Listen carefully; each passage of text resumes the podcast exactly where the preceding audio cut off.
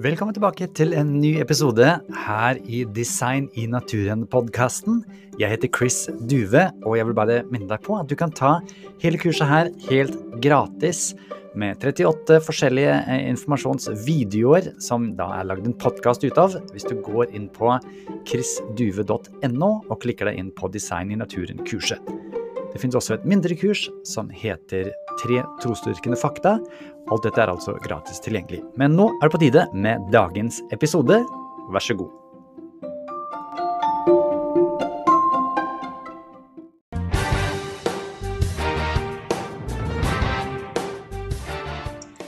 Great.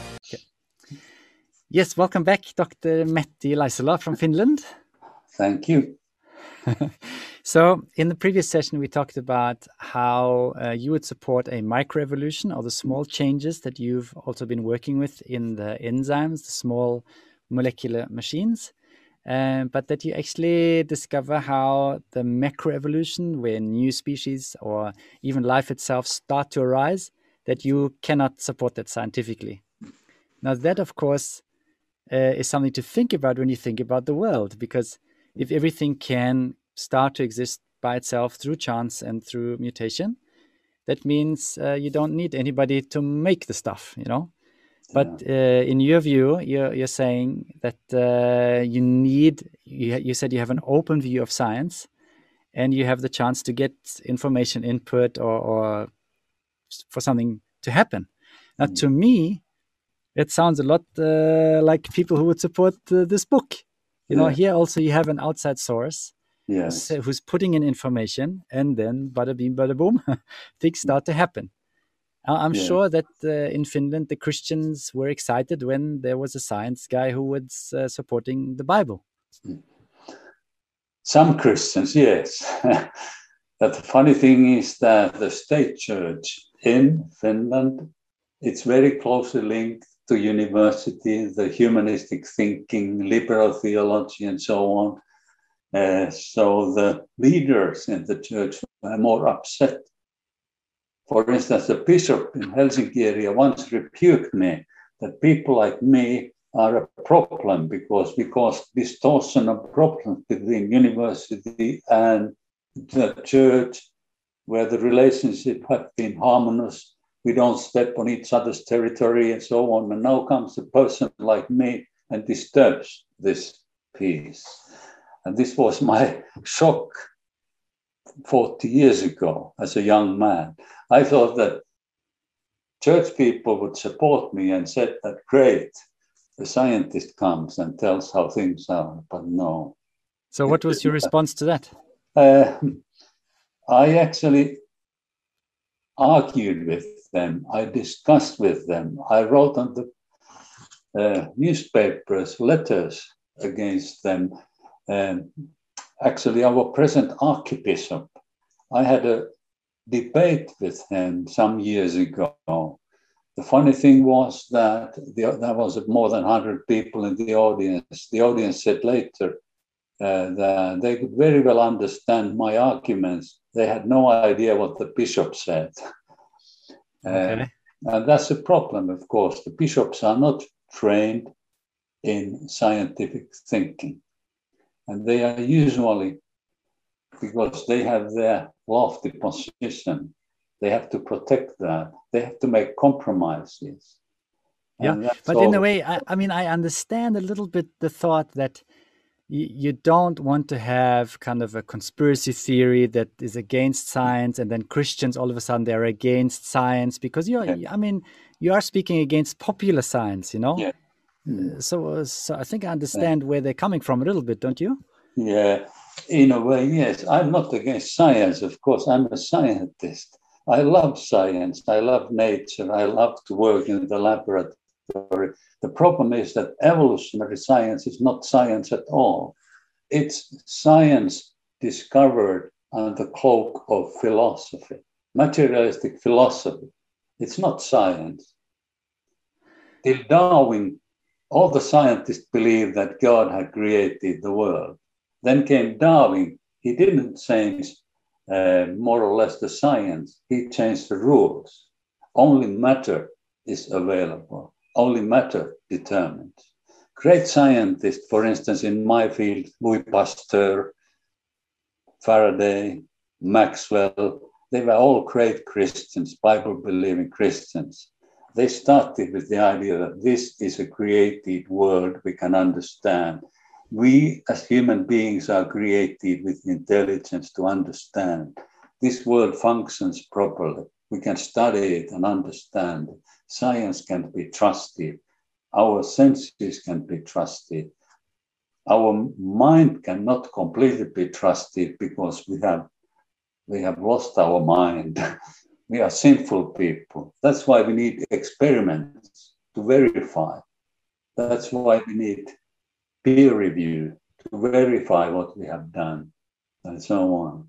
And I mean, you've done a lot of that. Uh, you sent me one picture where you're with your daughters in uh, in Switzerland, and you get the Latsis Prize in the ETH Zurich, and I think you were only the third person to get it because the first one was in 85 yeah. and then the second finnish person because 1986 yeah. was another finnish guy yeah and uh, and so uh, through your career you've had many credentials i mean you're inventing things that are that are being worked in the industry yeah. you are writing papers you, so so how do people say he's not a serious scientist mm. uh, and at, at, the same time you are a serious scientist so mm -hmm. they never meet the argument so how, how do you feel about that actually nobody has told me straight in the face that I'm not a serious scientist. Oh, okay. Everybody admits that.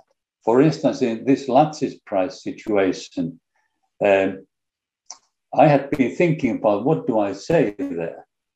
And I first thanked my professor, thanked my colleagues, and so on and so on.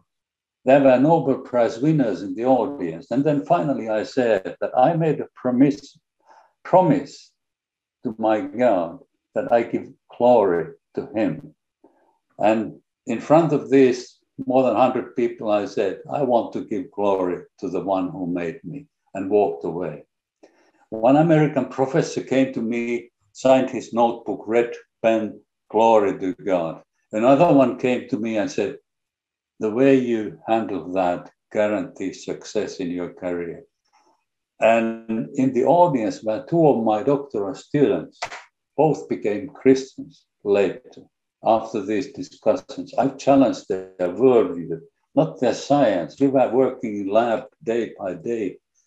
And six of my colleagues in Switzerland became Christians after I challenged their secular worldview using science as a starting point. So they had a little bit of the same road as yourself because um, you started out as a as a I don't know if you're a staunch atheist or just uh, thinking, not thinking so much I about was it? A typical, you know, agnostic, maybe. Yes, I was. I was a typical.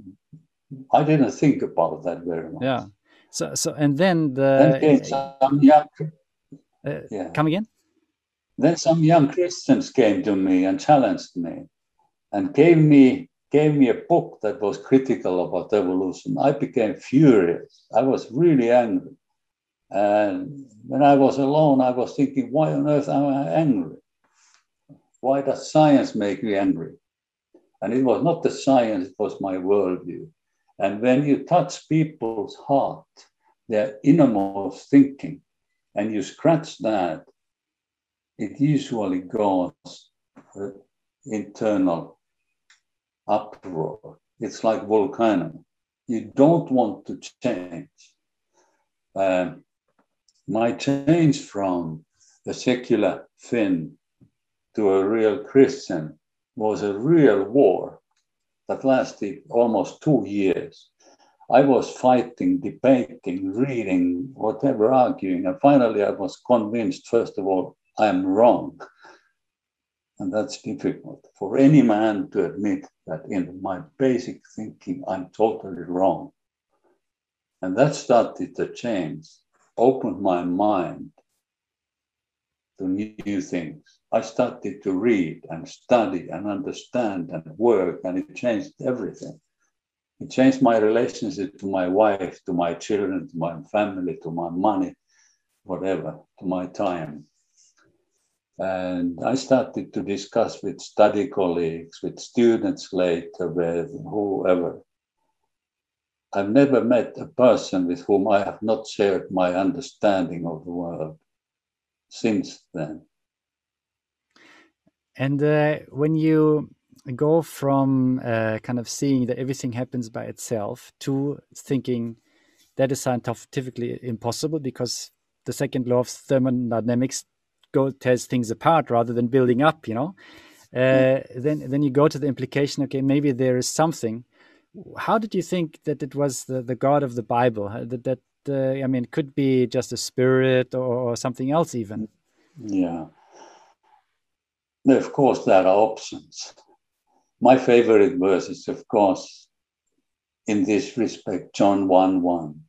In the beginning was the Word. The Bible explains that in the beginning was information. And this is my experience from the world. The world is full of information.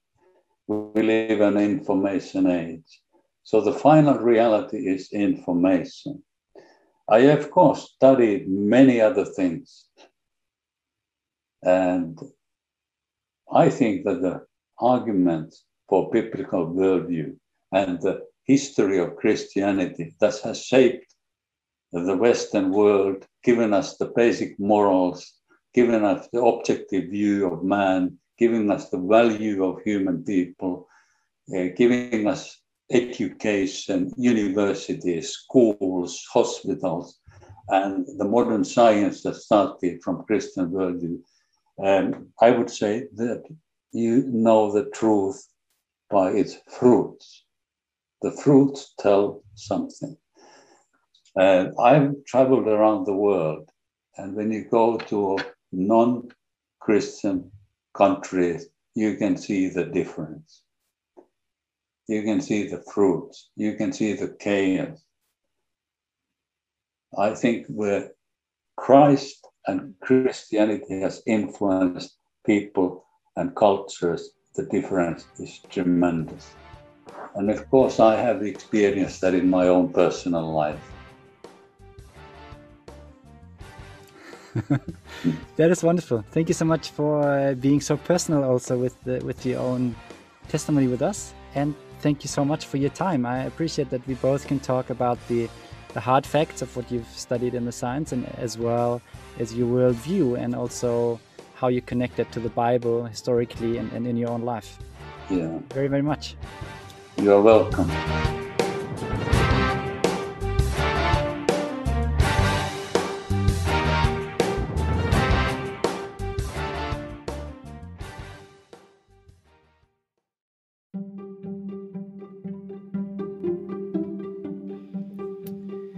Igjen, dersom du ønsker å få tilgang til de hjelpearkene eller oppgavearkene, så er det jo fullt mulig for deg å signe opp til kurset. Da går det an å laste det ned. Hvis du går inn på chrisduve.no, så ser du all informasjonen der.